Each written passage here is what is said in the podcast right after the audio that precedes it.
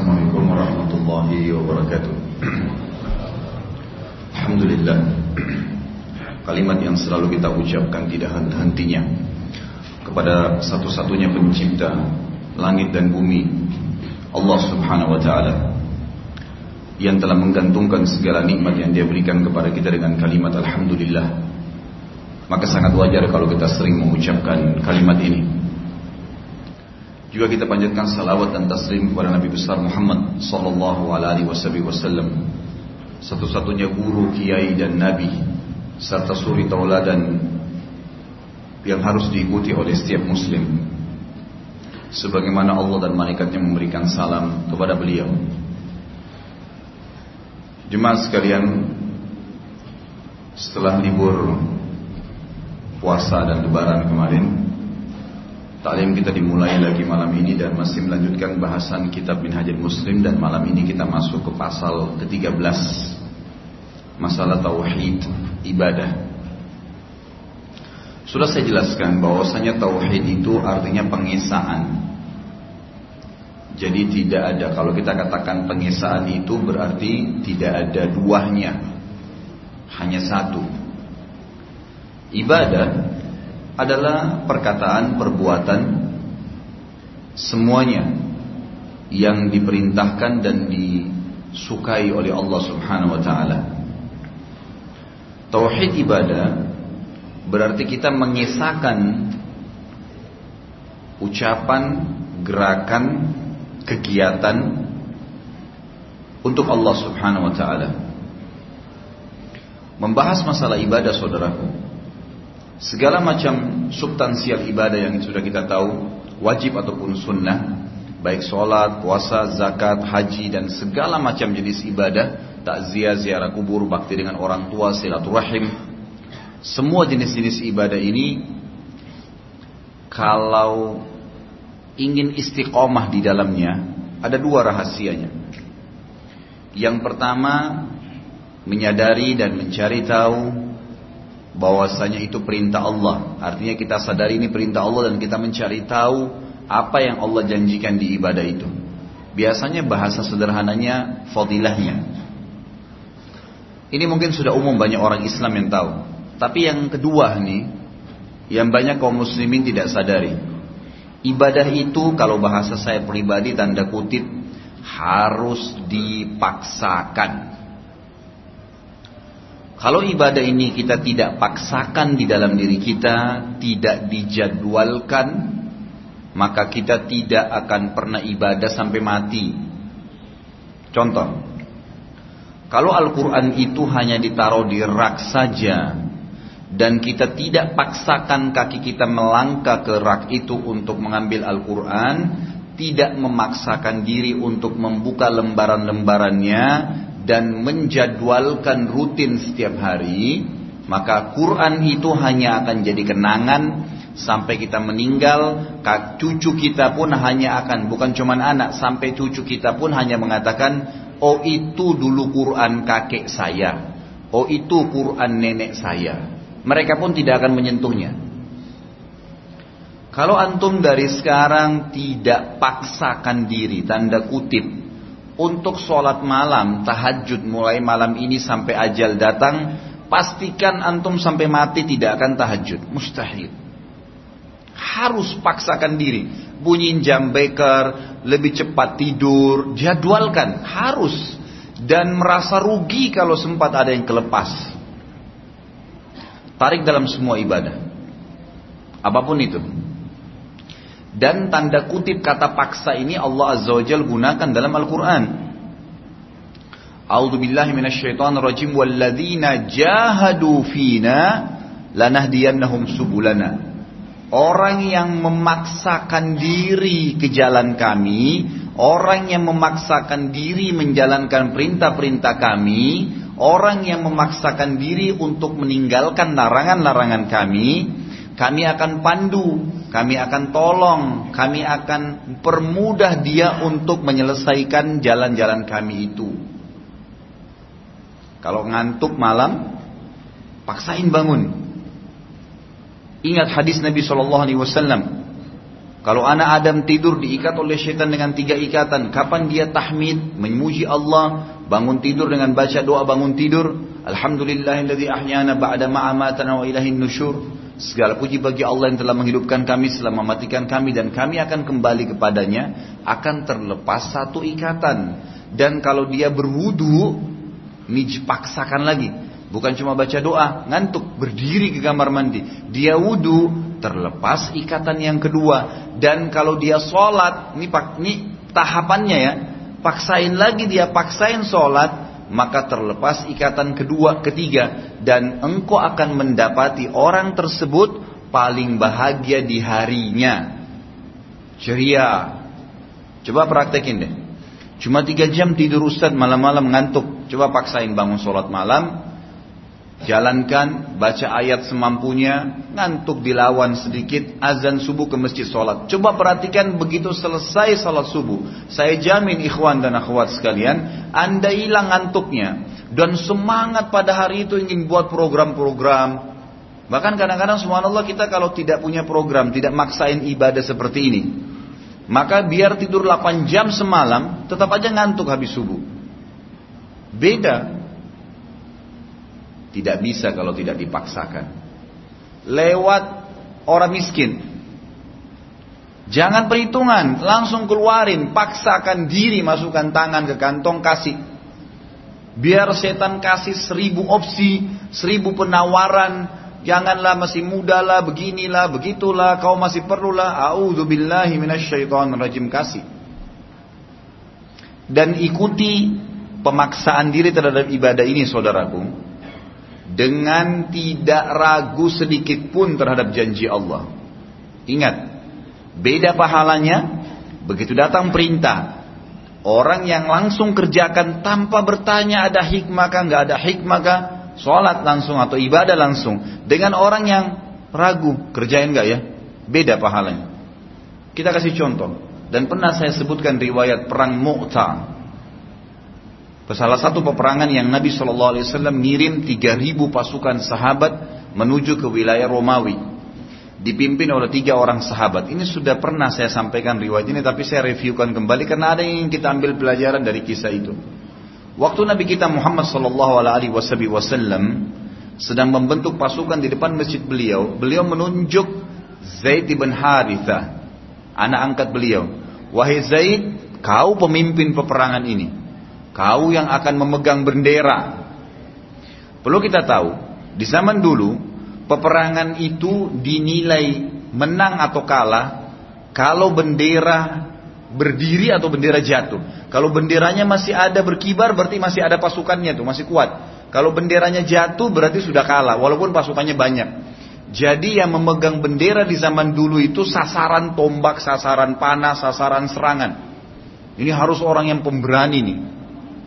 Nabi SAW mengatakan, Wahai Zaid, kau pemimpin perang dan kau pemegang bendera.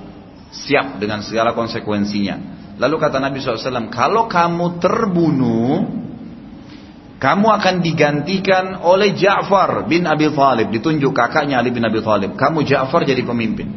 Kamu yang akan pegang bendera. Berarti sama konsekuensi. Hati-hati seakan-akan tombak, anak panas, serangan musuh. Kamu akan disasar. Ja'far terima. Kata Nabi SAW, wahai Ja'far, kalau kau terbunuh, ditunjuk sahabat yang ketiga, Abdullah bin Rawaha. Wahai Abdullah, kamu yang gantiin Ja'far. Ringkas cerita berangkatlah pasukan ke medan perang. Pada saat sedang berkecamuk peperangan Nabi kita Muhammad SAW diberikan karunia oleh Allah Subhanahu Wa Taala bisa melihat peperangan tersebut dan menceritakannya. Ini sekarang lagi berkecamuk peperangan si fulan takbir, si fulan menyerang terus diceritakan. Sampai Nabi SAW sempat mengatakan, Zaid bin Haritha masuk di kancah peperangan di tengah-tengah menyerang musuh, kemudian dia ditusuk oleh musuh, mati syahid dan bendera muslimin sedang jatuh. Jatuh bendera. Tidak ya, lewat sesaat kata Nabi SAW kecuali Ja'far bin Abi Thalib datang menyambut bendera tersebut lalu memegangnya dan menyerang musuh Lalu ada satu orang musuh yang sempat menebas tangan kanannya Ja'far, terpotong. Ja'far bin Abi Thalib yang tadi pegang bendera di tangan kanannya radhiyallahu anhu, radhiyallahu anhum ajma'in memegang kembali dengan tangan kirinya. Lalu tangan kiri Ja'far dipotong oleh musuh. Dua-duanya putus. Sebelum bendera jatuh, kata Nabi SAW, Ja'far sempat menjepit tiang bendera dengan sisa tangannya. Lalu musuh datang dan menusuk dadanya. Meninggallah mati syahid Ja'far. Sudah dua pemimpin Nabi SAW mati. Sekarang yang ketiga. Abdullah bin Rawahani. Kebetulan subhanallah waktu sedang terjadi tadi Ja'far terbunuh itu. Abdullah bin Rawaha ini ada di sebelah Ja'far. Karena memang dia yang bertugas kalau bendera jatuh dia harus pegang. Jadi dia harus selalu berada di sebelahnya. Seperti tadi Zaid bin Haritha. Waktu pertama pegang bendera Ja'far sama Abdullah harus ada di sebelahnya tuh. Kapan jatuh dia harus segera pegang. Karena ini kekuat menang kalahnya pasukan dari bendera jatuh atau berkibar.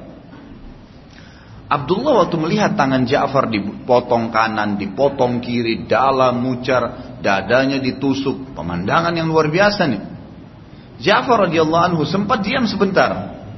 Lalu dia motivasi dirinya dia mengatakan, "Wahai Ja'far, wahai Abdullah, tinggal satu langkah lagi. Kamu menyerang musuh, ditusuk surga yang luasnya seluas langit dan bumi." Lalu Abdullah mengatakan, "Allahu Akbar." Dia ambil bendera tersebut lalu diangkat, kemudian dia masuk kancah peperangan sampai terbunuh mati syahid. Ringkas cerita juga, saya ringkas riwayatnya. Nabi kita Muhammad SAW berkata, tiga orang teman kalian ini sekarang sedang disiapkan oleh Allah Subhanahu Wa Taala singa sana di surga. Belum dipakai, tapi sudah disiapin nanti kalau masuk surga. Kalau Zaid bin Haritha dengan Ja'far bin Abi Thalib disiapkan singa sana yang besar, kakinya empat penuh dengan permata-permata yang bagus. Sementara Abdullah disiapkan singgasana yang lebih kecil, kakinya tiga, permatanya lebih sedikit. Para sahabat bertanya, ya Rasulullah, kok bisa beda? Tiga-tiganya pemimpin anda, tiga-tiganya sahabat anda, tiga-tiganya mati syahid. Kata Nabi Shallallahu Alaihi Wasallam ini yang digaris bawahi. Karena Abdullah sempat ragu sejenak. Keraguan sejenak tadi itu itu mengurangi fasilitas. Kalau ada fakir miskin lewat, setan bisikin, ada orang kasih nggak ya? Sama nggak pahalanya dengan ada orang fakir miskin lewat langsung korek kantong kasih, kalau perlu nggak perlu lihat jumlahnya, sama nggak pahalanya? Beda. Ada orang dengar azan dengan sholat atau nanti ya, azan tutup tokonya langsung berangkat ke masjid, sama nggak pahalanya? Beda pahalanya. Jadi dalam ibadah ini selain memaksakan diri, juga tidak boleh terlambat. Jangan tunda. Jangan dahulukan apa pun bila dipertemukan dengan ibadah kepada Allah Subhanahu wa taala. Sisi yang lain, hukum yang lain. Ibadah ini juga dibagi dua oleh para ulama secara global ya. Ada ibadah yang merupakan haknya Allah, wajib. Ada haknya Allah, sunnah. Ada haknya makhluk wajib. Ada haknya makhluk sunnah. Kalau bertemu antara haknya Allah yang wajib seperti sholat lima waktu, puasa Ramadan, zakat mal, hukum-hukumnya wajib. Bertemu dengan hak wajibnya makhluk. Siapa kira-kira di antara makhluk yang memiliki hak wajib dari kita? Orang tua misalnya. Kita kan wajib patuh ya. Itu berarti hak wajib makhluk. Ini ibadah semua ini. Karena kalau kita bakti dengan orang tua kan ibadah kepada Allah ya. Wajib, wajib. Kalau bertemu antara hak wajibnya Allah dalam ibadah dengan hak wajibnya makhluk dalam ibadah, yang didahulukan haknya Allah Subhanahu wa taala. Kita lagi sholat wajib. Ibu kita panggil nak, dipanggil namanya. Gak boleh batalin sholatnya.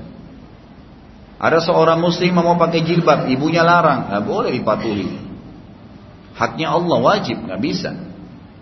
Tapi kalau bertemu antara hak Allah yang wajib dengan maaf hak Allah yang sunnah dengan hak makhluk yang wajib, misal teman-teman sekalian lagi sholat sunnah, hukumnya sunnah, artinya dikerjakan dapat pahala, ditinggalkan tidak dosa. Ketemu dengan hak wajibnya makhluk, orang tua kita manggil, ibu atau bapak panggil kita, lagi sholat. Dia tidak tahu kalau kita lagi sholat sunnah. Sholat sunnahnya dilanjutin atau dibatalin? Batalin. Karena itu hak sunnahnya Allah. Bertemu dengan hak wajibnya makhluk. Kalau ketemu antara hak sunnah Allah dengan hak sunnah makhluk, maka didahulukan haknya Allah Subhanahu wa taala. Ini sisi lain, ini hukum lain dalam masalah ibadah. Jadi kita harus tahu mana yang harus skala prioritas, yang didahulukan dan mana yang nanti setelah yang didahulukan tadi dikerjakan. Pasal ke-13 ini membahas masalah tauhid ibadah. Tadi itu kronologis, mukaddimahnya. Saya akan bacakan. Syekh Abu Bakar rahimahullah mengatakan seorang muslim beriman kepada uluhiyah Allah Subhanahu wa taala terhadap segenap makhluk. Saya sudah jelaskan, uluhiyah itu pengakuan pengesahan Allah dari sisi ibadah dan rububiyahnya atas alam semesta. Rububiyah itu berarti pemilik, pencipta, pengurus, pengawas, Allah subhanahu wa ta'ala. Kita harus yakin seluruh yang di langit, yang di bumi, di kedalaman lautan, kelihatan, tidak kelihatan adalah makhluknya Allah subhanahu wa ta'ala. Allah pemiliknya, Allah penciptanya, Allah pengurusnya, Allah yang akan memusnahkannya. Itu rububiyah namanya. Jadi seorang muslim kata beliau beriman tentang uluhiyah Allah terhadap segenap makhluk. Allah itu satu-satunya ilah, pencipta, gitu kan? Yang harus diibadahi dan juga rububiyahnya dia yang mengurus, mengawasi, menurunkan hujan, menahan hujan dan seterusnya. Dan bahwasanya tidak ada Tuhan yang berhak disembah kecuali Allah. Dan tidak ada Rob, Tuhan pencipta yang mematikan dan menghidupkan serta menguasai alam semesta ini selain dia, Allah. Maka dari itu, seorang muslim beribadah hanya kepada Allah Subhanahu wa taala dengan segala bentuk ibadah yang telah Allah tetapkan bagi segenap hambanya dan ia tidak mengalihkan satu bentuk ibadah pun kepada selain Allah. Gak boleh setengah-setengah, gitu kan? Ibadah semua harus kepada Allah Subhanahu wa taala. Ada lagi sedikit hal yang saya ingin titik beratkan di sini berhubungan dengan masalah ibadah. Ibadah itu teman-teman sekalian punya kenikmatan. Tadi antum sholat nih, itu ada kenikmatannya tuh sholat. Kalau kita ikutin bacaannya dengan tenang, dengan tumak nina, ikutin gerakannya, mengharapkan pahalanya, ya, menikmati ayat yang sedang dibaca oleh imam, menikmati sujudnya, rukunya, itu ada kenikmatannya. Lawan daripada ibadah yang mendatangkan pahala adalah maksiat, dosa. Perbuatan dosa ini juga punya kenikmatan, ada kenikmatannya. Orang pacaran duduk dua jam, tiga jam ngobrol sembarangan. Apa pun yang bisa dilakukan, yang dibisikin syaitan untuk membuat lawan jenisnya takluk sehingga terjadi perzinahan. Ada kenikmatan. Orang minum khamar, duduk buang-buang waktu, mabuk, fly, tidak tahu apa yang dia harus ucapkan. Ada kenikmatan yang dia rasakan. Kedua perbuatan ini, amal soleh, ibadah dan maksiat ada kenikmatannya. Tapi fahamilah teman-teman sekalian, kedua perbuatan ini tidak bisa bersatu kenikmatannya. Artinya, kalau kita sedang menikmati ibadah, maka kenikmatan maksiat itu akan hilang. Misal, kita sudah biasa ikat diri azan ke masjid, nggak mau tahu apa pun yang terjadi, mau hujan lebat kah, mau enggak kah, pokoknya azan saya ke masjid. Mati ajal ya sudah husnul khatimah. Misal, orang yang sudah biasa ngikat diri seperti ini dalam ibadah, kapan dia sempat telat satu sholat saja, menyesalnya luar biasa. Karena dia sudah rasakan kenikmatannya itu. Contoh yang lain, seorang muslimah pakai jilbab, sudah nih lihat ikhlas karena Allah Subhanahu wa taala. Enggak pernah mau liatin rambutnya sehelai pun kecuali kepada yang dibolehkan oleh Allah, mahramnya atau suaminya, gitu kan. Yang saya mau sini mahramnya tentu saudaranya, ya pamannya, ayahnya dan seterusnya. Satu waktu ada laki-laki nyelonong masuk ke rumahnya. Kelihatan sebagian rambutnya. Nyesel nggak dia kira-kira?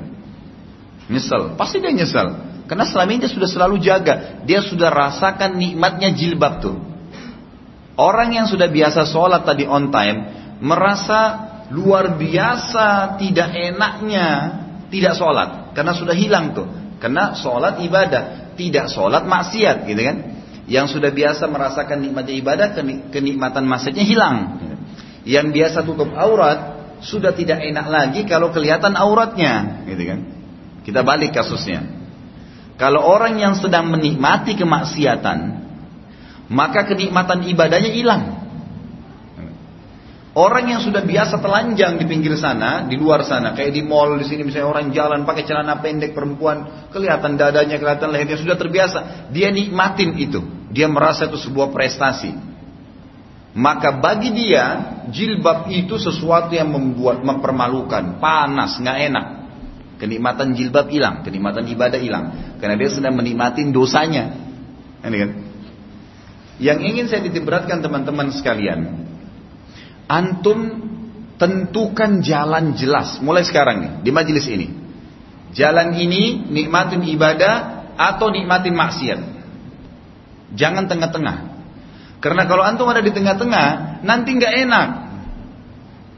Misal ada orang sholat, ada orang puasa, tapi masih mencuri, gitu kan?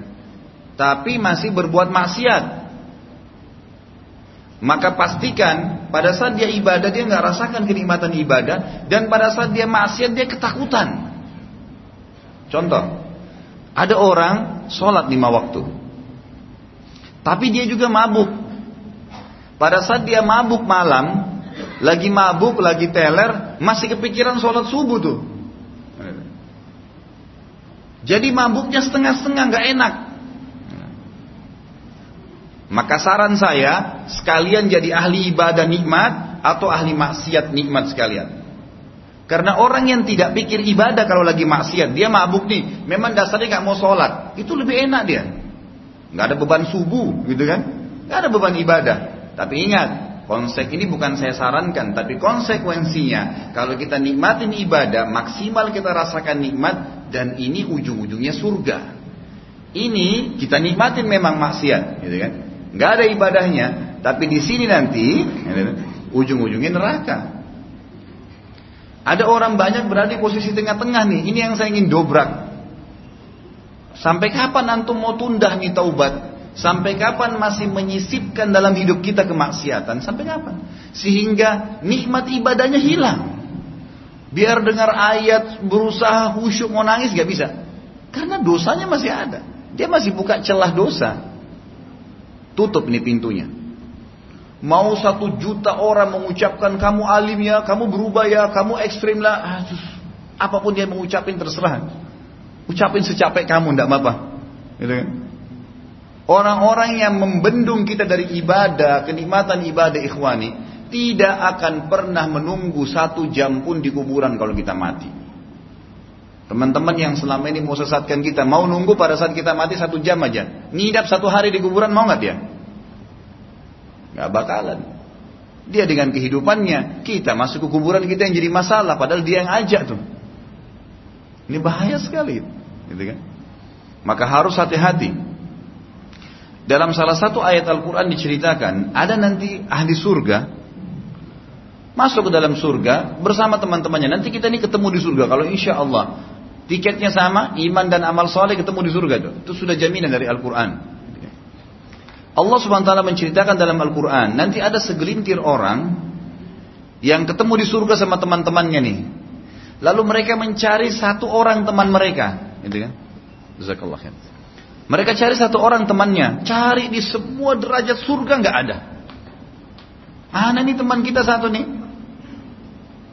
Maka Allah SWT menceritakan, Fattala'a fawaja'a apa ayatnya? Fattala'a Fara'ahu fi sawail jahim kata Allah. Ternyata waktu di surga dicari gak ada, lalu mereka melihat ke neraka karena ahli surga nanti bisa lihat ahli neraka. Mereka lihat di neraka dicari, ditemukan ada di neraka orang itu. Lagi disiksa temannya satu nih. Lalu Allah subhanahu wa ta'ala menceritakan dialog terjadi antara teman sama temannya nih. Lalu dia mengatakan, In kita Hampir yang ahli surga bilang, hampir saja dulu kau buat saya masuk bersama kau di neraka. Dia dulu pernah bilang orang ini, A'innaka laminal musaddiqin? Apa kau percaya itu sholat? Percaya tuh nanti neraka surga? Percaya tuh apa yang diancam-ancamin? Konyol tuh, kolot, dan seterusnya. Orang-orang orang yang masuk neraka ini bilang, maka yang dari surga bilang, hampir saja kau sesatkan saya. Dulu kamu bilang begitu. Ainnaka minal musaddiqin. Apa kau harus percaya semua itu? Gitu kan? Kalau bukan karena karunia Tuhan lanjutan ayatnya, gitu kan, maka pasti saya akan bersama dengan kamu termasuk orang-orang yang rugi. Jadi ikhwani, sisa umur kita, saatnya hijrah, sisa umur kita yang ada ini, sudah cukuplah yang lalu-lalu. Sudahlah, oh masa lalu dulu saya pernah begini, saya begini, baiklah. Tapi ada saatnya orang harus berubah. Detik ini, malam ini, bisa saja ikhwani dan akhwati, dari lisan saya keluar kalimat-kalimat ini, kesannya dari saya, tapi peringatan dari Allah buat anda semua. Jangan merasa nanti imannya ada kalau ustadznya ada atau dengarin ceramah enggak. Orang yang cerdas adalah orang yang mengambil pelajaran dari siapa pun yang ngomong, yang penting benar dan menuntun dia ke jalan Allah. Berubah saatnya, nggak bisa. Sampai kapan kita tidak hijrah nih? Sampai kapan masih ada dosa yang kita biarkan terus menjadi penyakit di tubuh kita? Masa kita bisa betah, sedangkan gerah saja keringatan gak enak di tubuh. Bagaimana orang bisa membiarkan becek-becek di badannya, kotoran-kotoran, kuman-kuman, dibiarin. Sementara dia mau mengatakan saya bersih. Itu ibaratnya orang yang mau beramal soleh tapi masih banyak maksiatnya nggak bisa ketemu. Ibadah itu bersih, disuruh wudhu, disuruh mandi, suruh pakai baju yang bebas dari najis, tempatnya harus bersih, jelas gerakannya, jelas bacaannya, bersih suci itu. Nggak boleh ada hal-hal yang kotor di sini. Jangan ikutkan itu. Harus dijaga. Usahakan jiwa kita seperti satu ruangan yang steril. Jangan pernah ada apa-apa di situ yang busuk. Saya kasih contoh. Ini maaf saya agak panjang menjelaskan contoh-contoh supaya tujuannya supaya antum keluar dari sini sudah bisa mengambil ilmunya. Kata kunci karena menjelaskan dalil gampang. Ini ayatnya ini hadisnya. Tapi yang aplikasikan siapa? Kadang-kadang karena belum tahu bagaimana meletakkan dalil itu. Kalau kita punya sebuah ruangan di rumah kita, kamar, kamar itu jendelanya terbuka atau pecah jendelanya, pintunya terbuka, di lantainya berserakan tulang-tulang bekas makanan, makanan busuk, pakaian kotor, penuh satu ruangan. Kira-kira ngundang hewan-hewan masuk nggak? Hah? Mana suaranya nih? Masih hidup nggak nih? Hah? Masuk serangga, masuk nyamuk, masuk lalat, masuk anjing, masuk semua tuh. Kenapa? Ruangannya kotor. Ibaratkan itu jiwa antum tuh. Jadi kalau kita biarkan di dalam jiwa kita ini kemaksiatan seperti itu berserakan tuh tulang-tulang bekas makanan, bekas pakaian dan ini banyak binatang-binatang yang tidak menyenangkan masuk. Ini setan semua nih masuk. Lebih parah gitu kan. Kita biarkan pintu, jendela, jendela pintu kita terbuka. Nggak mau tobat, nggak mau bersihin tuh. Ini contoh rasional. Mestinya jiwa kita hati kita itu bersih semua, nggak ada makanan bekas, semua bersih disapu. Kalau perlu nggak ada satu satu debu pun, nggak ada debu, steril luar biasa. Jendela semua ditutup, kaca semua ditutup, orang masuk nyaman. Itu jiwa. Dan Allah mengatakan dalam Al-Quran tentang hamba-hambanya masuk surga tanpa hisab illa man atallaha biqalbin salim yang masuk surga tanpa hisab nanti orang yang datang sementara hatinya jiwanya salim bersih Nggak ada kotoran-kotoran kemaksiatan. Yang betul-betul dijaga dari bangun tidur sampai tidur. Dan itu orang akan maksimal nikmatin ibadahnya tuh. Antum subhanallah coba jalankan seminggu aja deh. Kuping ini jangan dengar musik. Matanya jaga. Budul basar turunin jangan lihat yang haram. Lisan kita selalu istighfar, berzikir, baca Quran. Coba seminggu aja. Bandingkan dengan keadaan iman kita sekarang. Pasti beda. Kalau sebulan lebih luar biasa. Bagaimana kalau seumur hidup? Gitu kan? Sampai meninggal, kita nggak tahu ajal kapan datangnya. Apakah sekarang umur kita ke depan lebih panjang daripada umur yang sudah kita lalui? Allahu alam, kita nggak tahu. Tapi orang yang cerdas harus berpikir dengan masalah itu. Itu berhubungan dengan masalah ibadah.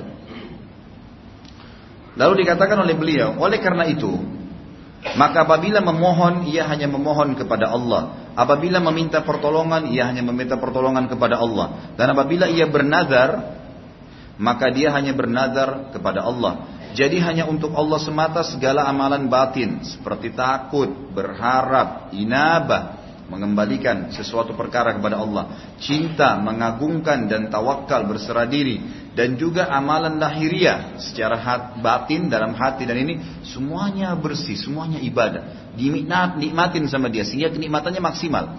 Ini insya Allah sedikit sentuh dengar ayat tersentuh nangis. Sedikit lihat jenazah lagi diantar kita bayangkan kalau diri kita ke sana. Itu akan terbawa ke situ tuh. Makin diasah maka makin kental tuh kenikmatan ibadahnya, makin nyaman rasanya gitu.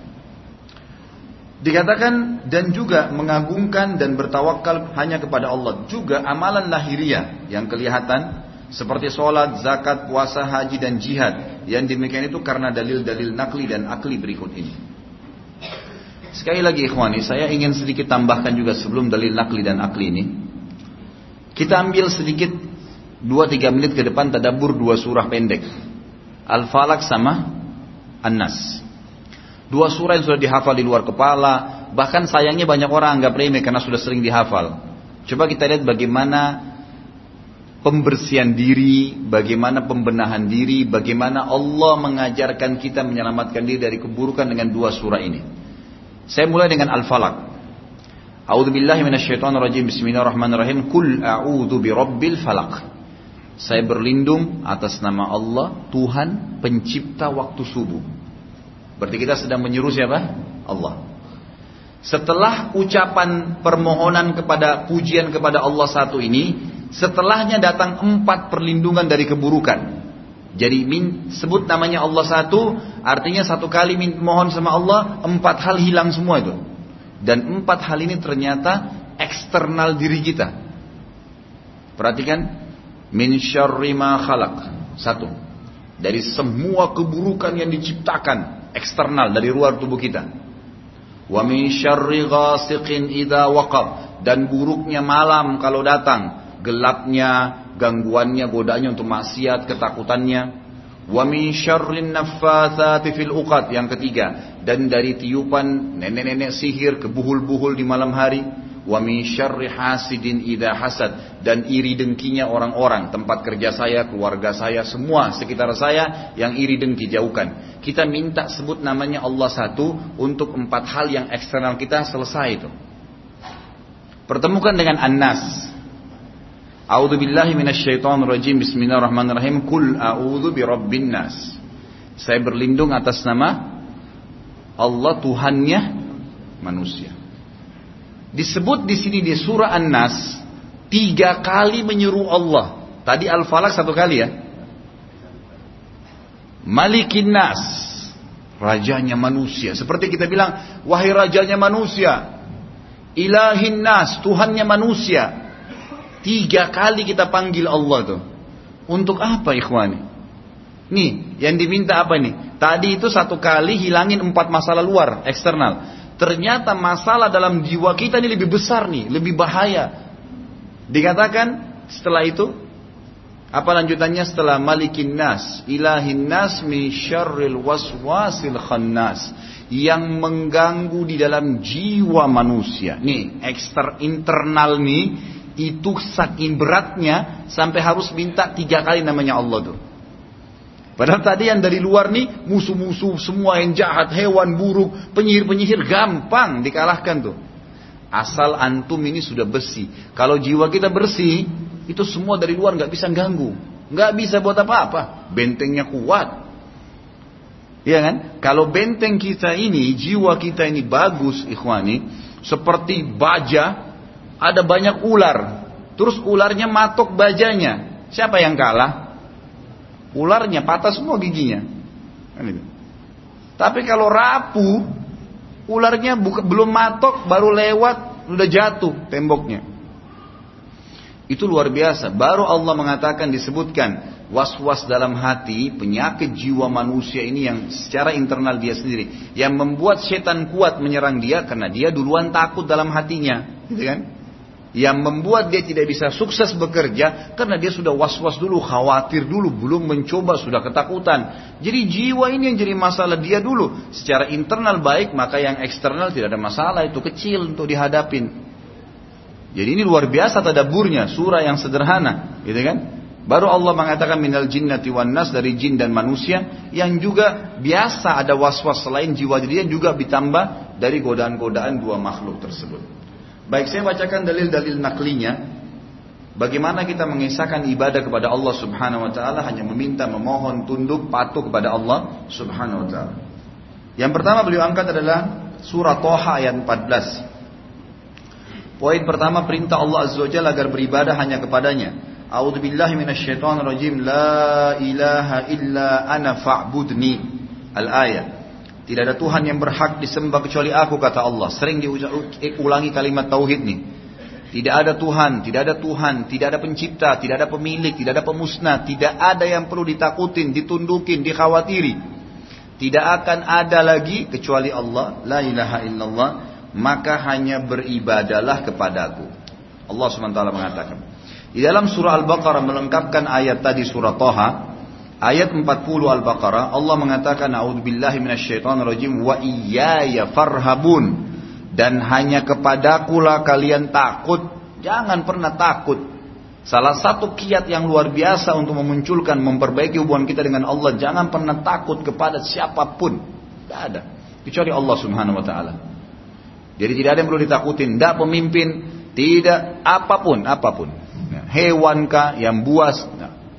Yang kita khawatir kalau sampai Allah membiarkan memang pemimpin tersebut menyiksa kita. Itu mungkin. Jadi tinggal minta kepada Allah selesai masalahnya.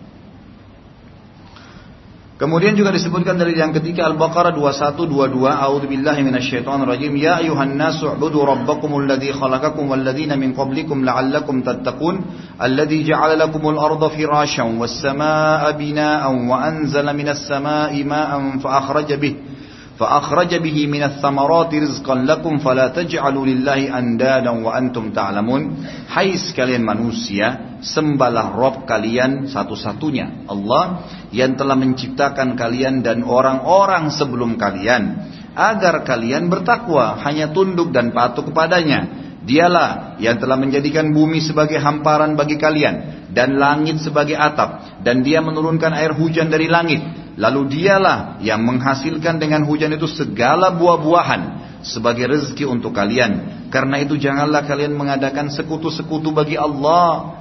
Pohon keramat, jimatlah, kuburanlah, setanlah, langitlah, semua makhluk gak perlu tunduk kepada semua itu. Padahal kalian mengetahui, kalian tahu sebenarnya dengan akal sehat kalian bisa tahu itu. Juga ditegaskan dalam firman-Nya beliau mengatakan surah Muhammad ayat 19. A'udzu billahi minasyaitonir rajim. Fa'lam annahu la ilaha illallah.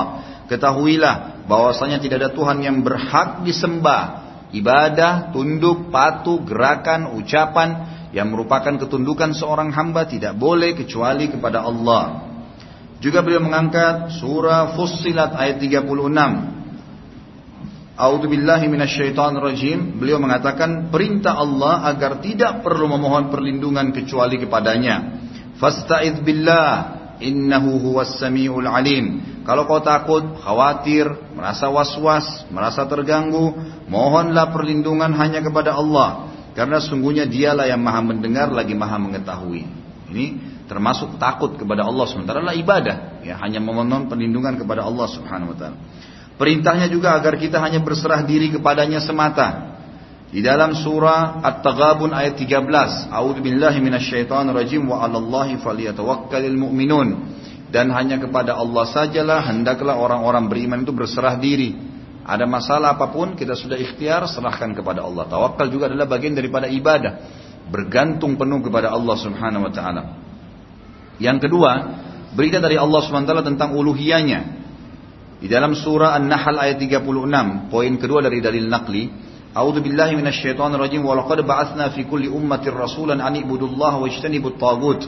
Dan kami sebelum kalian wahai umat Muhammad telah mengutus rasul pada tiap-tiap umat dan semua rasul itu menyeru sembahlah Allah, hanya tunduk. Kalau mau ibadah, mau meminta, mau memohon, takut hanya kepada Allah dan jauhi tagut. Tagut itu semua yang disembah selain Allah patunglah, pohonlah dan seterusnya.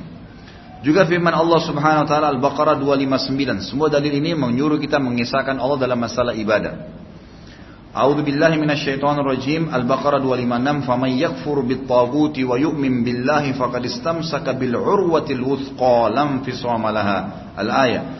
Kalau siapa pun yang ingkar kepada taubat, semua yang disembah selain Allah dan beriman kepada Allah satu saja, maka sungguhnya ia telah berpegang pada tali yang amat kuat dan tidak akan putus. Artinya dia punya tempat bersandar yang sangat kuat, tidak akan pernah salah jalannya, ya, tidak akan pernah ada kekeliruan di situ.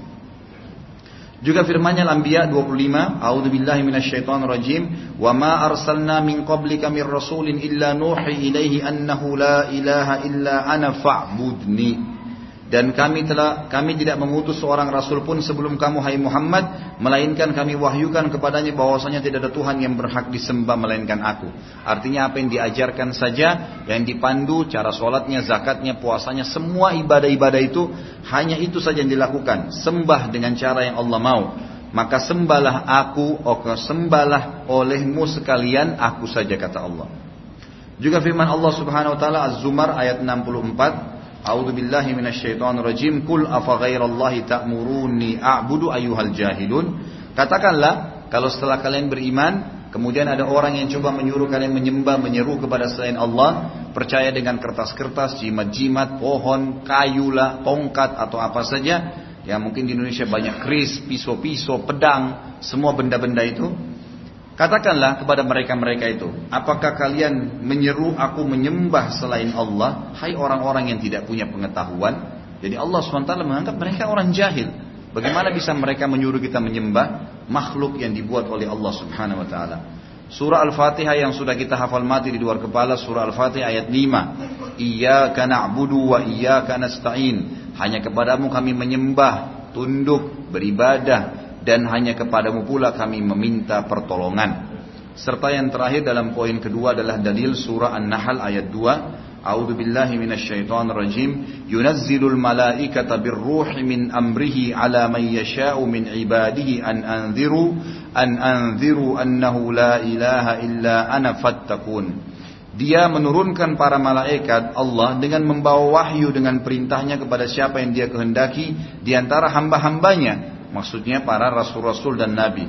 Yaitu peringatkanlah oleh kalian semua. Jadi diserukan kepada para rasul dan nabi bahwasanya tidak ada Tuhan yang berhak disembah melainkan aku. Jangan pernah tunduk beribadah kecuali kepada aku. Maka hendaklah kalian bertakwa hanya tunduk dan patuh kepadaku. Jadi terus menerus Allah subhanahu wa ta'ala ingatkan agar kita tidak pernah bergantung tunduk kecuali kepada Allah subhanahu wa ta'ala. Sudah masuk waktu? Ya. Baik, selanjutnya poin ketiga. Berita dari Rasulullah Sallallahu Alaihi Wasallam. Tadi itu berita dari ayat Al-Quran tentang harusnya kita mengesahkan, menundukkan diri hanya kepada Allah Subhanahu Wa Taala dan tidak pernah takut dan berharap kecuali kepada Allah. Berita dari Rasulullah SAW tentang uluhiyah Allah Subhanahu Wa Taala seperti dalam pesannya kepada Muadz bin Jabal radhiyallahu anhu ketika diutus ke negeri Yaman. Falyakun awwalu ma tad'uuhum ilaihi an yuwahhidullaha ta'ala. Hadis ini riwayat Bukhari Muslim. Hendaklah wahai Muadz bin Jabal kau akan datangi kaum ahli kitab yang paling pertama kau dakwahi mereka agar mereka mengisahkan Allah dalam segala hal. Di sini maksudnya adalah dalam masalah ketundukan, permohonan, permintaan, ya, ketakutan, harapan, itu tidak boleh kecuali kepada Allah Subhanahu wa taala. Sabda beliau juga kepada Muadz bin Jabal, "Ya Muadz, atadri ma haqqullahi 'alal ibad?" Qala Allah wa rasuluhu alam. Qala an ya'buduhu wa la yusyriku bihi syai'a.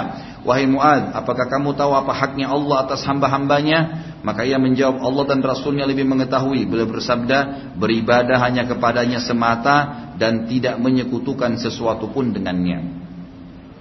Hadis ini juga riwayat Bukhari Muslim. Sabda Nabi SAW kepada Ibnu Abbas di dalam hadis riwayat Tirmidzi dengan sanad dengan sanad hasan sahih kata Nabi SAW, "Idza sa'alta fas'alillah wa idza sta'anta fasta'in billah."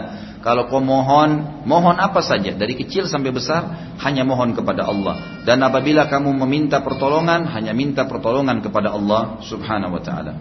Sabda Nabi SAW kepada orang yang berkata kepada beliau, jadi ada pernah sahabat datang, kemudian bertemu Nabi SAW dan dia gembira sekali. Lalu Nabi SAW mengatakan selamat datang. Dia mengatakan ini karena kehendak Allah dan kehendakmu. Lalu Nabi SAW menegurnya mengatakan kul masya Allah wahda. Katakan ini hanya kehendak Allah saja. Saya nggak ada urusannya. Jadi kalau misalnya sukses sebuah proyek, anda penyebabnya, lalu teman bilang, oh terima kasih ini penyebabnya anda, bukan saya, Allah Subhanahu Wa Taala. Jangan sampai kita merasa kita punya di situ sesuatu, nggak ada. Yang membuat mata kita bisa terbuka, suara kita bisa keluar, tangan kita bisa memegang, kaki kita bisa melangkah. Allah Subhanahu Wa Taala. Bagaimana kita merasa kita punya hak di situ? Kita cuma tinggal menggulirkan saja. Gitu. Dan ini hadis riwayat Imam Nasai. Ya. Insya Allah sebentar, seperti biasa kita akan lanjutkan beberapa poin yang tersisa setelah sholat isya setelah sholat Ba'diyah Isya maksudnya dan akan dibuka sesi pertanyaan silakan ditulis di kertas dan tolong pertanyaannya sesuai dengan bahasan kita. Subhanakallahumma bihamdika asyhadu an la ilaha wassalamualaikum warahmatullahi wabarakatuh. Assalamualaikum warahmatullahi wabarakatuh. Alhamdulillah wassalatu wassalamu ala rasulillah Melanjutkan bahasan tadi Dalil yang tersisa adalah sabda Nabi Sallallahu Alaihi Wasallam tentang masalah tidak bolehnya sedikit pun dialihkan niat dan maksud ibadah kepada selain Allah. Di antaranya yang sederhana sekali tapi sering terjadi adalah riya. Dan beliau mengatakan dalam hadis yang masyhur, hadis diriwayatkan oleh Imam Ahmad, إن أخوف إن أخوف ما أخاف عليكم الشرك الأصغر. قالوا يا رسول الله وما الشرك الأصغر؟ قال الرياء. إن الله تبارك وتعالى يقول يوم تجازى العباد بأعمالهم اذهبوا إلى الذين كنتم تراؤون بأعمالكم في الدنيا فانظروا هل تجدون عندهم جزاء.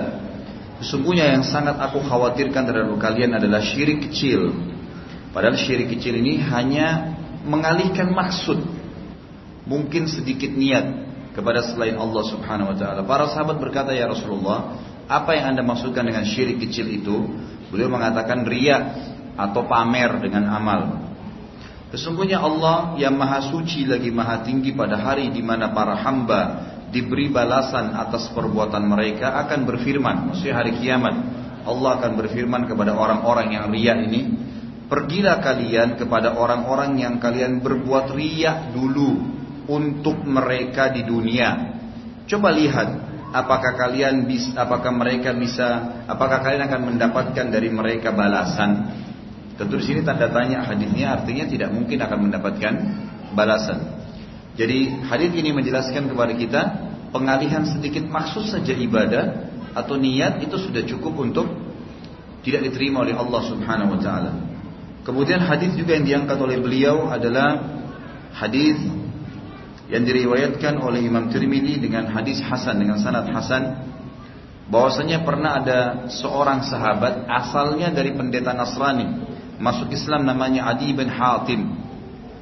Pada saat dia masuk Islam Nabi SAW sempat berkata kepada dia bahwasanya kalian orang-orang Nasrani dan ahli kitab juga Yahudi menjadikan para pendeta dan rahib sebagai sesembahan selain Allah. Maka Adi yang baru masuk Islam dan dia tadinya pendeta mengatakan, Ya Rasulullah, kami nggak kami nggak pernah menyembah kok pendeta-pendeta kami. Saya pun pendeta, tapi saya pastikan kami tidak disembah dan kami pun kalau minta kepada pendeta itu kami tidak menyembah mereka. Lalu Nabi SAW menjelaskan tentang bentuk penyembahan yang semestinya untuk Allah sederhana tapi ternyata terjadi di kalangan ahli kitab. Dan ini juga banyak terjadi di tengah-tengah kaum muslimin. Kata Nabi sallallahu alaihi wasallam alaisu yuhilluna lakum ma harramallahu fatuhilluna wa yuharrimuna ma ahallahu Allah fatuharrimuna? Qalu bala. Qala fatilka ibadatuhum. Bukankah para pendeta dan rahib itu menghalalkan bagi kalian apa yang diharamkan oleh Allah. Jadi dulu ada cerita para pendeta dan pastor ini. Kalau pastor agama Katolik, pendeta berarti Protestan. Tapi kita samakan misalnya dengan istilah pendeta. Mereka-mereka ini banyak yang mengikuti keinginan pemerintah atau raja.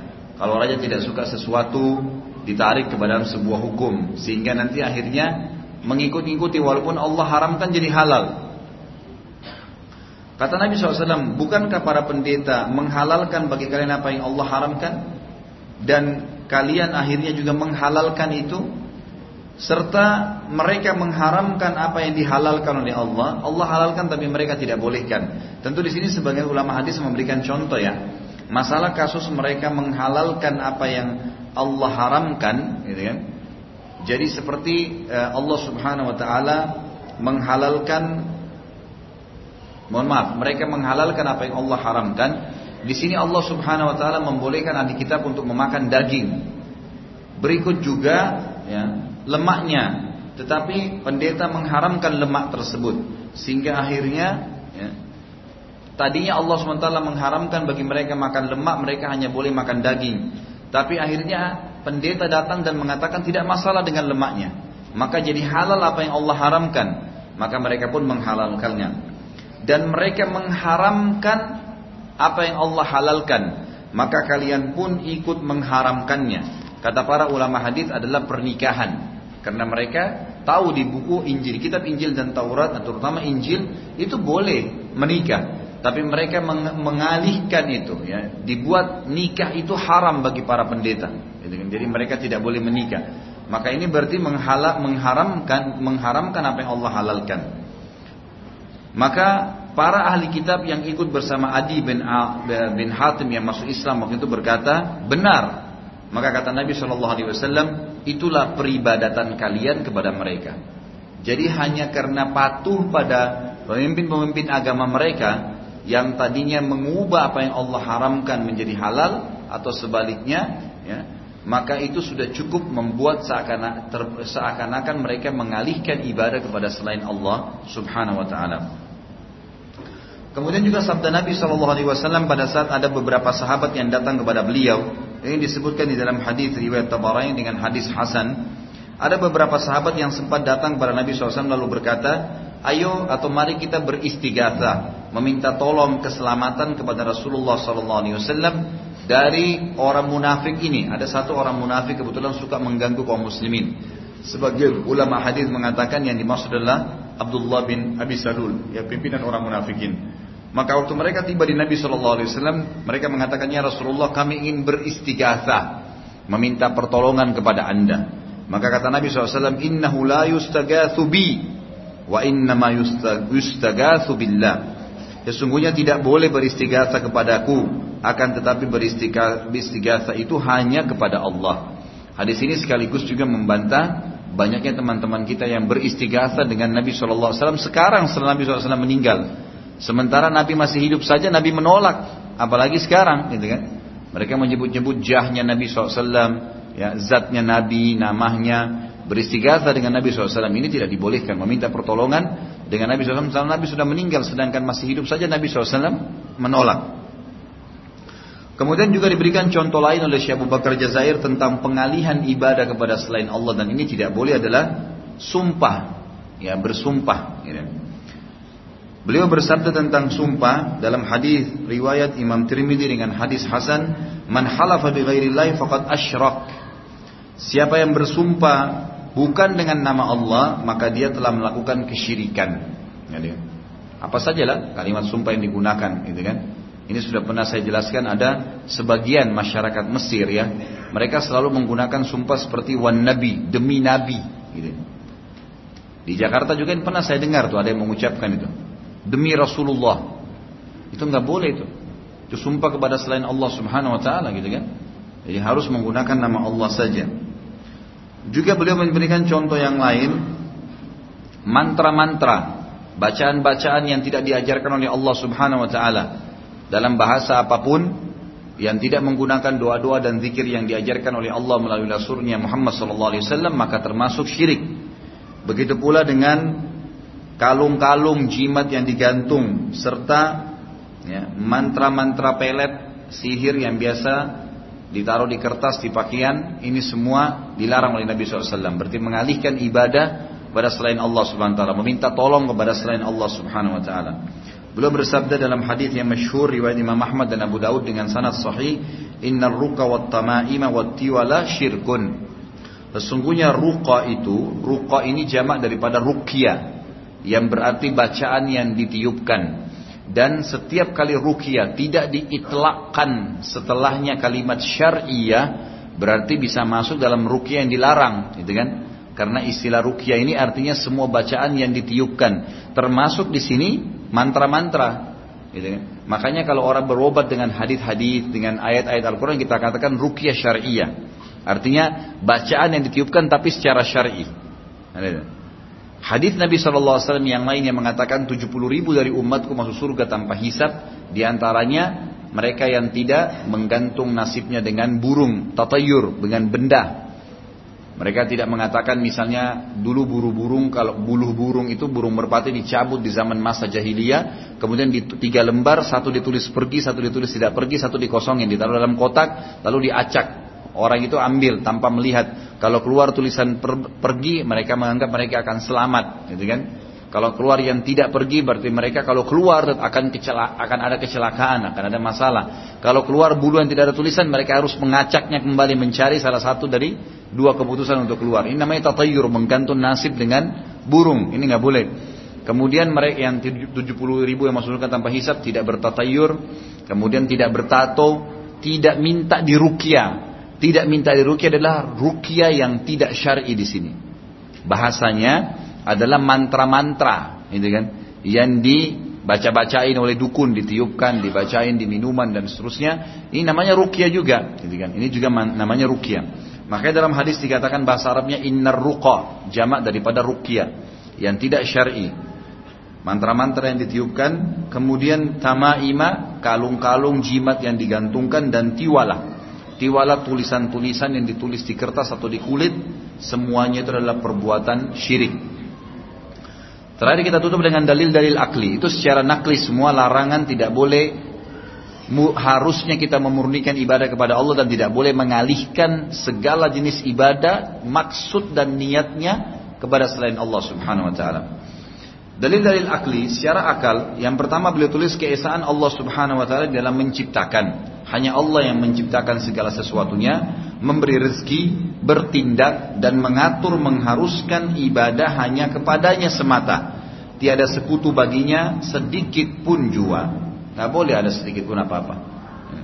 Yang kedua, secara akal harusnya begitu. Secara dengar dalil-dalil tadi berarti kita tahu kita harus mengalihkan ibadah kepada Allah.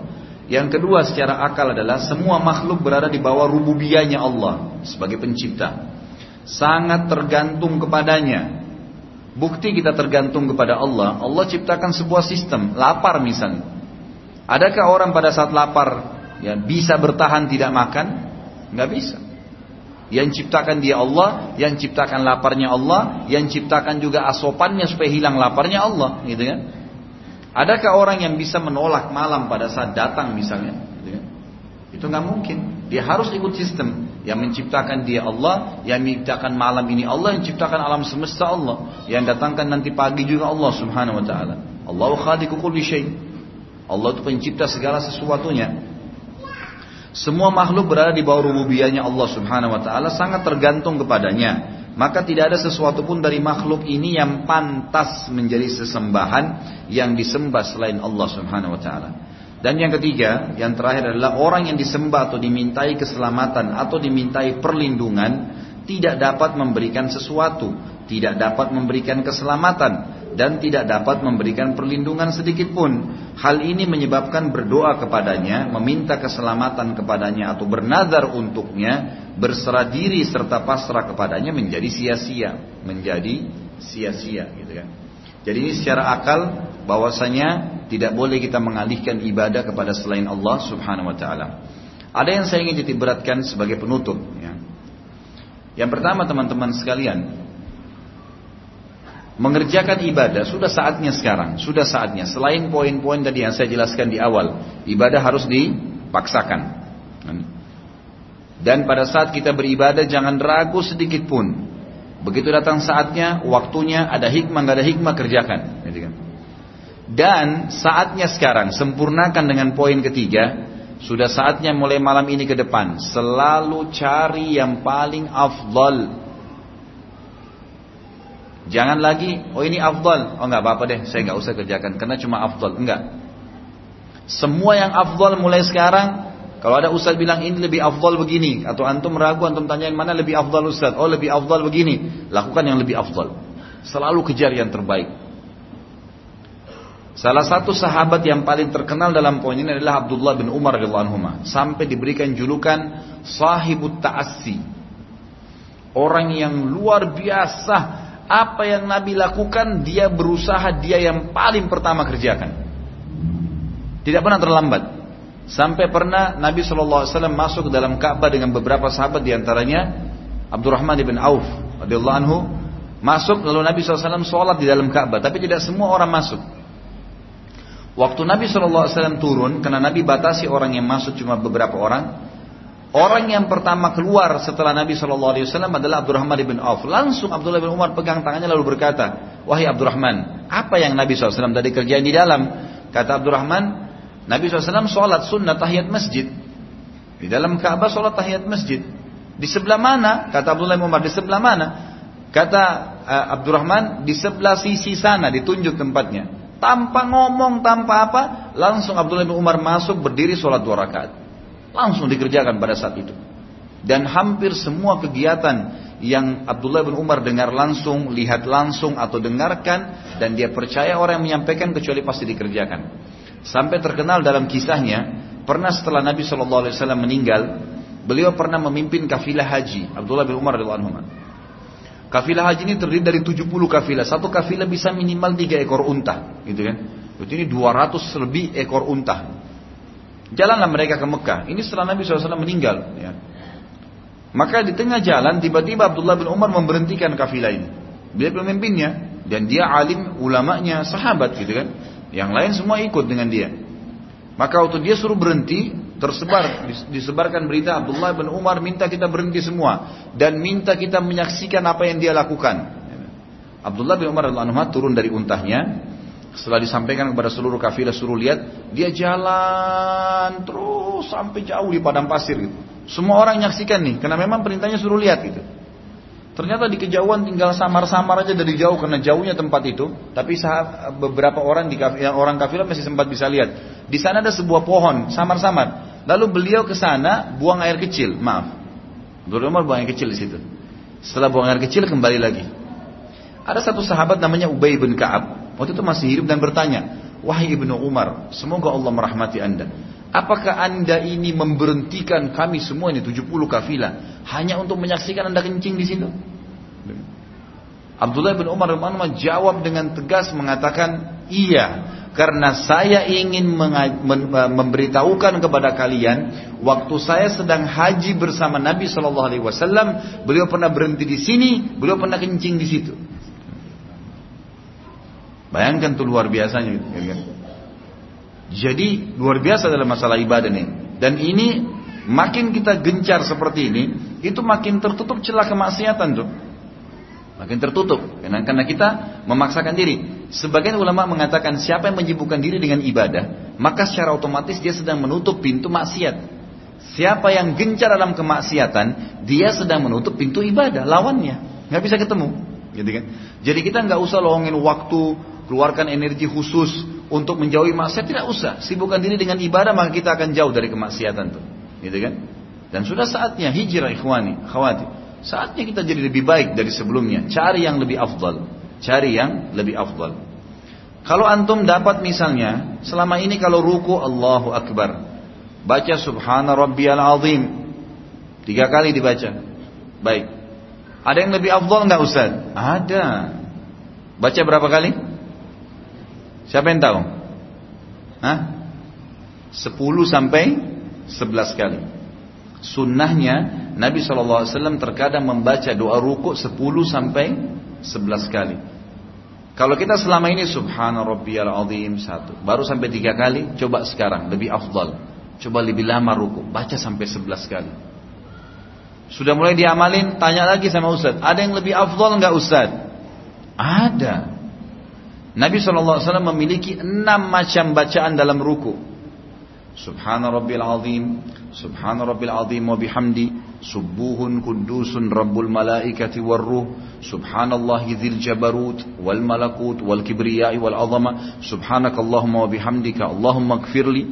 Allahumma laka wa bika amantu wa laka aslamtu raka'a wa basari wa asabi. Ada enam macam bacaan. Dan ulama mengatakan setiap bacaan ini boleh menjadi pilihan, boleh dibaca satu-satu. Dan setiap bacaan boleh dibaca 10 sampai 11 kali. Coba selama ini antum baca berapa kali nih? Hah? Subhanallah azim terus ya. Itu pun kayak orang kumur-kumur. Subhanallah Buru-buru. Sekarang ubah hijrah. Subhana rabbiyal azim. Nikmatin. Subhana rabbiyal azim. Terus. Coba deh sampai 11 kali dulu. Kalau sholat wajib imamnya buru-buru. Sholat sunnah. Sholat ba'diyah, sholat qabliyah, sholat malam, sholat tahid masjid. Jangan buru-buru. Baca. Antara azan dan iqamah. Misal ada waktu 5 menit dikasih di masjid kita ini. Antum sholat. Daripada buru-buru selesaikan dua rakaat karena mau berdoa. Saran saya nggak usah. Sholat dua rakaat lama. Sujudnya bisa berdoa. Doakan dalam doa. Gabungin dua-duanya. Sholatnya panjang. Gitu kan. Doanya juga dapat. Untuk apa buru-buru? Coba cari yang lebih afdal. Itu penting. Renungi begini ikhwani. Kalau kita kita bicara yang lebih pekah lagi, lebih dalam lagi ya. Ikutin poin demi poin. Kalau seandainya kita ruku nih. Baca sekali, baca satu jenis bacaan subhana rabbil azim misalnya tiga kali. Boleh, boleh. Dapat pahala, dapat pahala. Tapi tentu beda pahalanya dengan orang yang baca sampai sebelas kali. Kan gitu. Baik. Kalau ada orang sudah faham sebelas kali, tapi dia cuma baca tiga kali. Rugikah dia? Rugi dari sisi pahala. Tapi yang lebih rugi lagi sebenarnya, dia nggak bisa perbaikin tuh. Ya, misal tadi, antum baru tahu nih sekarang, oh ternyata sebelas kali ya Ustaz. Terus mau direview, mau diulangin sholat qobliyah isya, bisa nggak? Nah nggak bisa, buku amal kita tercatat begitu. Makanya pekah cari yang lebih baik, lebih afdal, terus begitu, gitu kan. Supaya terus makin terbaik karena dalam firman Allah Subhanahu wa taala, A'udzu billahi minasyaitonir rajim. Innallaha la yughayyiru ma biqaumin hatta yughayyiru ma bi anfusihim. Allah nggak bakal mengubah keadaan satu kaum sampai mereka mengubah diri mereka sendiri. Ulama tafsir mengatakan ada dua keadaan nih. Keadaan orang yang bermaksiat ingin pindah menjadi orang ibadah. Itu Allah ubah keadaannya, gitu kan? Dia mau hijrah, Allah mudahin tuh. Tiba-tiba ketemu orang yang baik, tiba-tiba mulai tersentuh mau mulai baca Quran, tiba-tiba berkembang terus gitu. Juga masuk dalam yang kedua di firman Allah ini, orang yang baik mau menjadi lebih baik. Itu masuk tuh. Jadi jangan kita terus stek dalam satu tempat enggak. Iman itu bisa naik terus naik, kan? Dengan cara kita mencari yang lebih baik lagi, lebih baik lagi, lebih baik lagi. Dan kata penutup saya teman-teman sekalian, Ramadan yang baru berlalu. Ini kalau bahasa saya ya. Mobil itu mobil kalau dipanasin setengah jam saja, setengah jam. Udah bisa dipakai keluar kota nggak? Hah? Mana yang punya mobil nih, masya Allah. Nih? Kalau kita mobil dipanasin setengah jam, udah bisa dipakai nggak? Udah bisa ya. Kalau seminggu dipanasi, Enggak, saya nggak bicara bensinnya habis. Anggap bensinnya kita tambah terus. Mesinnya lebih bagus kan, lebih panas. Kalau sebulan, maksud saya begini. Kemarin ini Ramadan, ini motor-motor antum, ini mesin-mesin antum, jiwa kita ini panas nih. Tinggal injak gas, gitu kan. Jangan dimatiin lagi mesinnya, kendor lagi. Gitu. Contoh yang lain. Kita ini ibarat, ini bahasa saya ya. Semoga Allah ampuni kalau salah, tapi saya tidak bermaksud untuk salah, tapi memberikan contoh. Kalau anak anak itu, anak kecil yang cerdas, yang baru belajar pakai sepeda, ayahnya bantu nih pakai sepeda. Jalan sepedanya. Anak yang cerdas, dia kalau jatuh, Nangis mungkin sedikit lalu dia bilang, ayah bantu lagi. Tidak mau berhenti sampai dia bisa. Kan gitu. Begitu dia bisa, dia minta ayahnya lepasin. Lalu apa yang dia lakukan? Pedalnya diputar lebih kencang. Dia tingkatkan keterampilannya. Mungkin ban sepedanya dinaikin.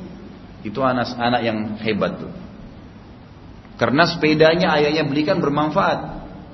Anak yang bodoh adalah begitu jatuh sekali nangis, nggak mau lagi ayah. Sepedanya ditaruh sampai kempes, ayahnya jual, sampai tua nggak bisa pakai sepeda. Ini contoh untuk menyentuh antum tentang masalah Ramadan kemarin. Jiwa kita sudah biasa puasa, udah biasa sholat malam, udah biasa ke masjid, gitu kan? Udah bisa pakai sepeda, tinggal dayung saja. Ini enggak. Ditinggalin sepedanya, kendor. Kenapa harus kendor, gitu kan? Padahal kemarin itu bulan pelatihan, itu bulan ibadah itu. Kalau Ramadan aja nggak bisa menjadi motor pemicu, bahan bakar yang bagus untuk membuat kita lebih semangat, lalu kapan lagi kira-kira? Ya. Tidak ada jaminan Ramadan akan datang kita masih dapat, gitu kan? Maka ini semua indikasi-indikasi yang banyak sekali dan contoh-contoh yang saya kasih supaya kita hanya beribadah kepada Allah, lakukan yang terbaik untuk Allah dan kita akan panen pahalanya serta sudah banyak ya pemicu-pemicunya termasuk Ramadan yang baru saja lewat ini. Allah alam.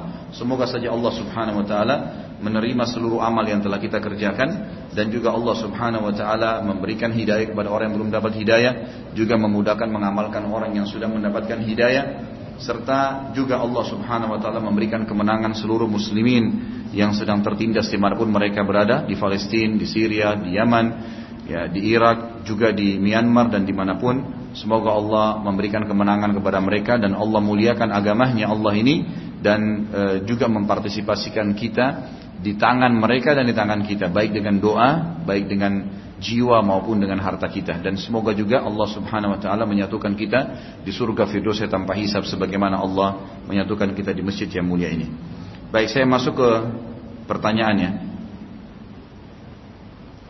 Waalaikumsalam warahmatullahi Adakah doa atau bacaan yang diucapkan atau dibaca setelah iqamah?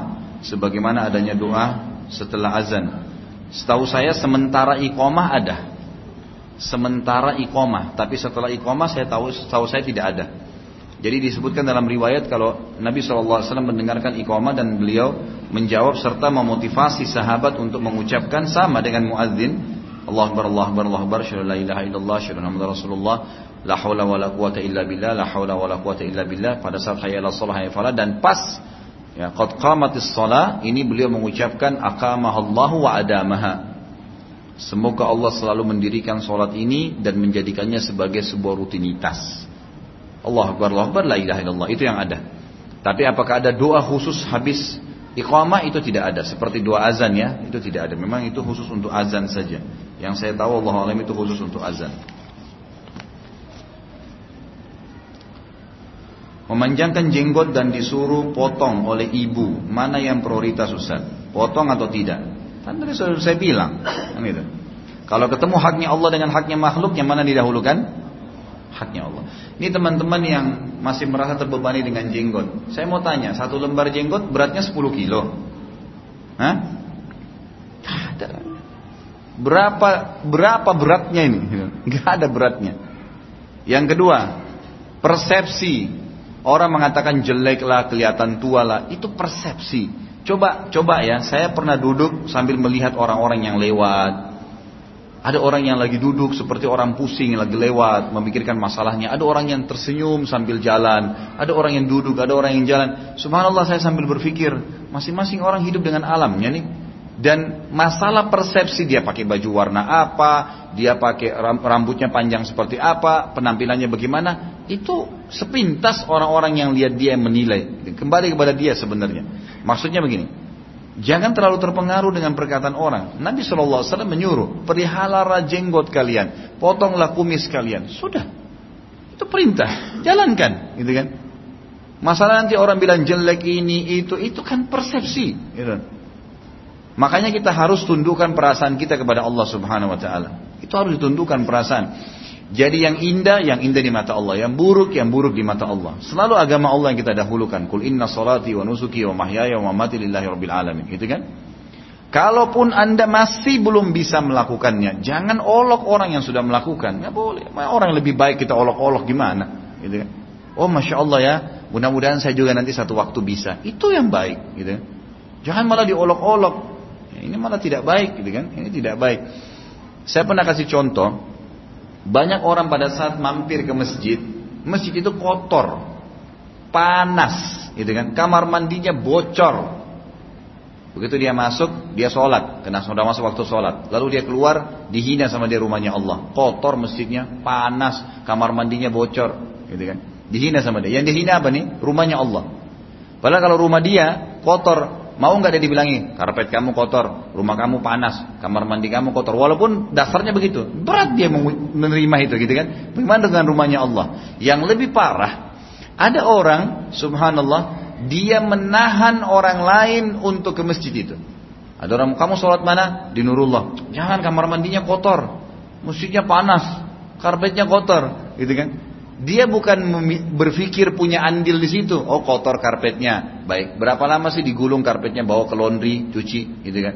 Misal atau kumpul teman-teman di kantor untuk ba, ba, uh, keluarin uang untuk beli karpet atau pasang AC atau ganti keran kamar mandi. Berapa banyak pahala yang kita panen semenjak orang pakai itu? Ini enggak, malah ngajak orang lain untuk meninggal. Dia dia sudah hina rumahnya Allah, dia hajak orang lain juga begitu. Kenapa akhi? Kenapa ukti?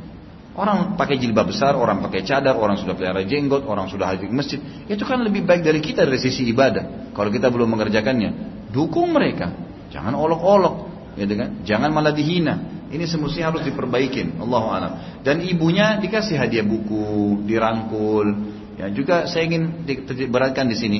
Kebanyakan teman-teman kita yang sudah multazim dan multazimah. Multazim ini artinya sudah mulai faham, sudah mulai tersentuh hatinya dengan iman, sudah mulai ikuti sunnah, mau pelihara jenggot, nggak mau isbal celananya, sudah mulai hadir di majelis ilmu azan ke masjid, akhwatnya sudah pakai jilbab besar, sudah pakai cadar, udah jaga kehormatan gitu kan. Kebanyakan mereka ya kena satu penyakit wabah yang saya bahasakan dan kutip ya. Saya bahasakan ini penyakit tiba-tiba justru mereka bertolak belakang dengan sunnah dari sisi lain. Misal, nggak pernah senyum lagi sama muslim. Lewat mukanya abus, Abus ini bahasa Arab ya, artinya ekstrim, matanya melotot, lihat orang yang tidak yang isbal, ahli nar, gitu kan. Ini penghuni neraka. Lihat yang tidak pakai jilbab seperti dia langsung dilihat. Pertama sekali matanya lihat langsung celananya isbal atau tidak. Subhanallah mungkin dia belum paham akhi, gitu kan. Kenapa harus selalu persepsi negatif kita nggak tahu. Dia mau datang ke masjid sebuah prestasi, rangkul, sampaikan. Sunnah Nabi senyum, Sunnah Nabi eh, salaman sama dia. Sunnah Nabi SAW nasihatin. Sunnah Nabi SAW datangi ke rumahnya, bangun ukhuwah. Sunnah Nabi SAW berikan hadiah buku. Itu kan banyak sunnah Nabi SAW kan.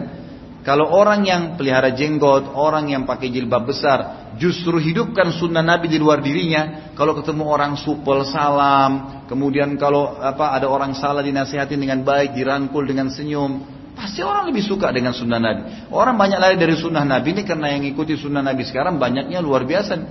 Tidak pernah senyum, ekstrim mukanya, ya. Tidak pernah jenguk lagi orang sakit, ada tetangganya sakit, gak pernah dijenguk. Ada orang yang meninggal, gak pernah hadiri acara takziah. Ada perbuatan bidah Ustaz. Jangan antum ikut-ikutin bidahnya. Sunnah Nabi takziah tiga hari datang, tunjukkan sunnah. Doakan Allah ajrakum, doakan seperti Nabi ajarkan sabar ya begini-begini, bawain makanan pulang. Jangankan sunnah Nabi. Jangan kita malah menghilang gitu kan. Ini menghilang. Kadang-kadang ada juga bapak ibu yang di beberapa pengajian saya saya nasihatin diundang acara bid'ah. Ketakutan nggak mau, tutup pintunya seakan-akan tidak ada. Ngapainin? Tetangganya yang undang tidak pernah tahu, tahun depan dikasih undangan lagi. Coba kalau datang tetangganya kasih undangan, Oh sambut, Waalaikumsalam, silakan masuk, hidangkan makanan, jamu tamu. Siapa yang beriman kepada hari akhir dia harus menghormati tamunya. Jamu dia sebagai tamu, duduk, oh iya terima kasih ya, jazakillah khair, jazakallah khair undangannya. Setelah duduk, baru kita ngobrol-ngobrol, kemudian oh ini ada undangan, oh iya undangan apa ya? Kita baca, oh undangan ini. Oh begini ya, ada yang saya mau sampaikan, saya hadir di pengajian guru saya, katanya ini Nabi nggak pernah contohin, mungkin saya belum bisa hadir ya. Ya, siapa tahu kalau ibu mau lebih paham atau bapak mau lebih paham ini ada bukunya. Kan berdakwah, tapi dia sudah disambut, dia udah datang. Insya Allah tahun depan gak ada undangannya datang lagi tuh. Kan?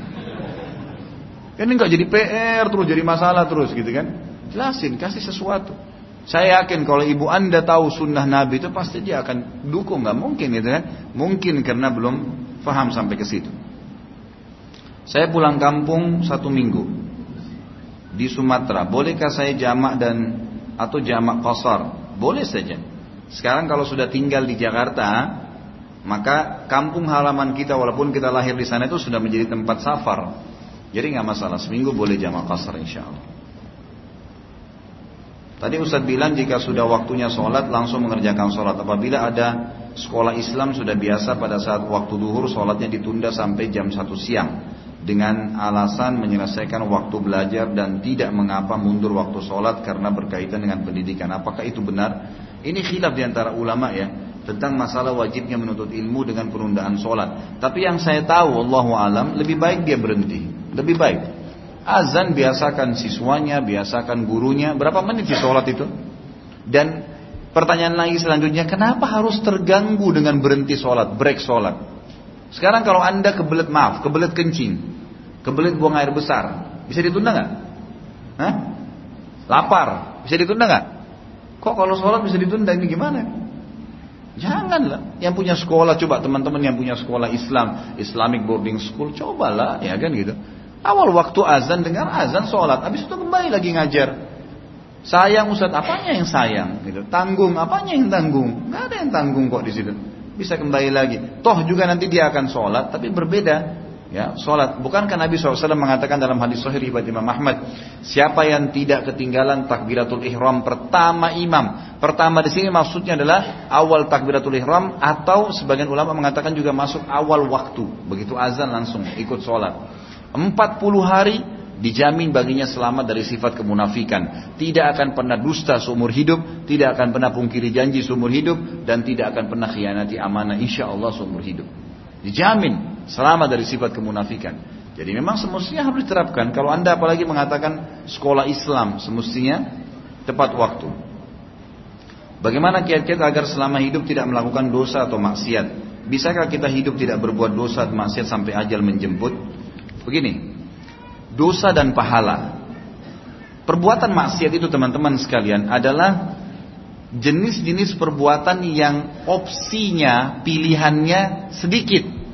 Sementara perbuatan ibadah itu pilihannya banyak. Sebentar saya jelaskan ya. Kemudian dari sisi lain, kemaksiatan yang opsi pilihannya, ya menunya itu sedikit, ya, itu juga efek jerahnya kalau dilakukan besar. Sementara perbuatan pahala, opsi menu pilihannya banyak, kalau dikerjakan itu banyak sekali balasannya. Tidak ada efek jerah di dalam ibadah. Saya kasih contoh. Pada saat Allah Subhanahu wa taala haramkan babi, saya pernah jelaskan ini. Babi diharamkan, jenis hewan. Yang bertaring nggak boleh, jenis hewan. Baik, dua jenis hewan dilarang. Di sisi lain dibolehkan kambing, sapi, ayam, kelinci, kuda, semua yang tidak bertaring dan selain babi. Dan yang bertaring pun kalau di dalam air halal, artinya menunya banyak nih. Ini menunya sedikit. Dari sisi lain, perbuatan dosa itu, kalau antum fahamin apa yang saya ucapkan sekarang ini, pahami baik-baik dan jadikan sebagai prinsip hidup. Kalau difahami ini saya yakin anda akan jauhi dosa. Efek jerahnya dosa itu berat lebih jauh lebih berat daripada uh, perbuatan kita. Misal, antum seseorang, bukan di sini, seseorang mencuri uang satu juta. Apakah hukumannya nanti Allah akan hilangkan sejuta uang dari dia? Tidak. Tapi Allah akan buat dia masuk rumah sakit biayanya 100 juta. Yang dicuri berapa? Satu juta. Efek jerahnya dosa itu berat, besar. Dua jam duduk pacaran haram, itu Allah tidak hukum dengan dua jam juga nanti. Nanti dia bisa sakit dua minggu, tiga minggu. Efek jerahnya besar tuh. Sudah opsinya kecil, sedikit. Padahal ini ada gantinya, halal ada. Dengan pasangan halal, istri suami ngobrol semalam suntuk. Seminggu nggak tidur nggak apa-apa. Kan. Jangan yang haram. Opsinya sedikit. Belum lagi diikuti dengan ketakutan-ketakutan, takut ketahuan, takut dilihat orang. Ini enggak, semuanya tenang. Adakah yang takut kalau mau ke masjid? Orang tahu ini perbuatan baik. Adakah ketakutan kalau kita gandengan sama istri, sama suami? Enggak ada. Tapi kalau gandengan sama yang haram, takut, gitu kan?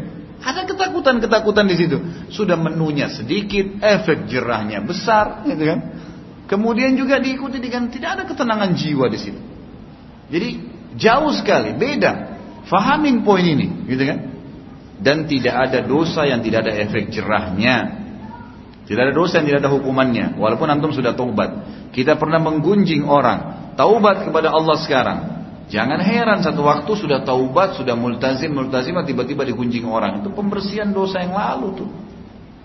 Ada efek jerahnya, nggak ada ceritanya. Dosa sudah saya pernah bahasakan seperti segelas racun.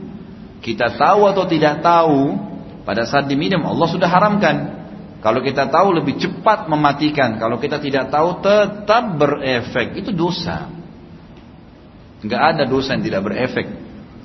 Jadi fahamin itu. Kalau kita tahu lebih sedikit opsinya, lebih berat efek jerahnya, gitu. Kita kerjakan dari ketenangan jiwa, ngapain ke situ?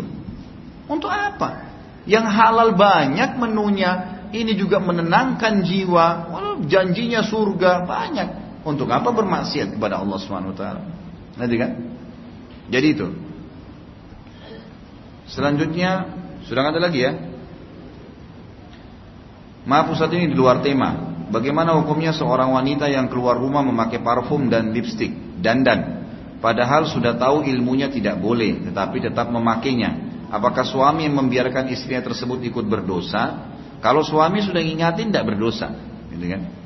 Nabi Lut alaihissalam istrinya Nabi Lut ya istrinya sama dengan Nabi Nuh istrinya juga Nabi Nuh dua istri Nabi ini sudah didakwain tiap hari untuk beriman nggak mau.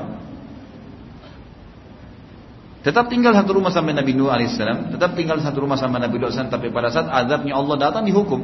Nanti kan? Jadi kalau kita sudah ingatkan, maka sudah cukup. Yang tidak boleh kalau kita nggak ingatkan sama sekali namanya dayuth dalam hadis. Dayuth itu adalah dosa besar bagi laki-laki yang tahu istrinya berbuat salah lalu dibiarkan.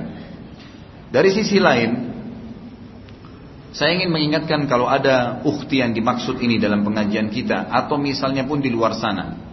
Dan dan boleh dalam Islam mau pakai lipstick warna merah kah, warna orange kah, warna apa saja. Mau pakai minyak wangi, mau dandan sisir rapi dengan rambutnya dengan rapi, boleh di rumah.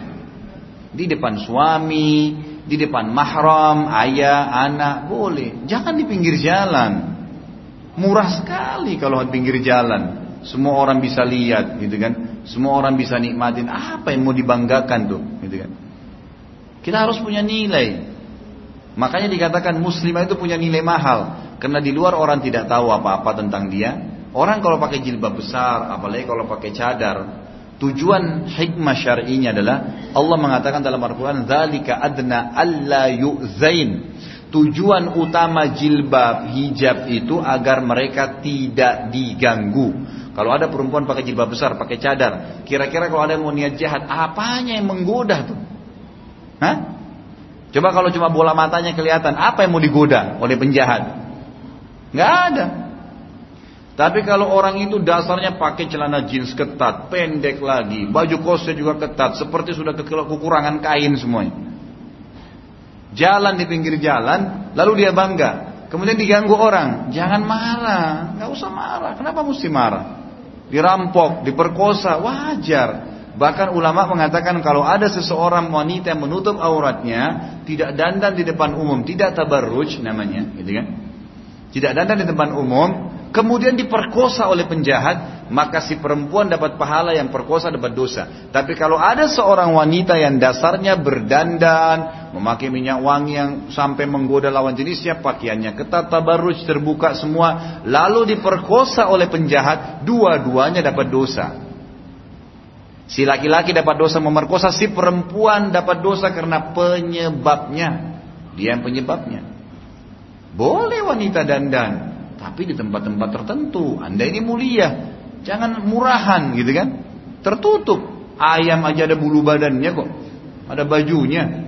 Masa Anda yang mau buka gitu kan. Kalau ayam bulunya digunduli lalu jalan, aneh nggak kelihatan? Kok kalau manusia nggak dianggap aneh ya? Maksudnya aneh itu.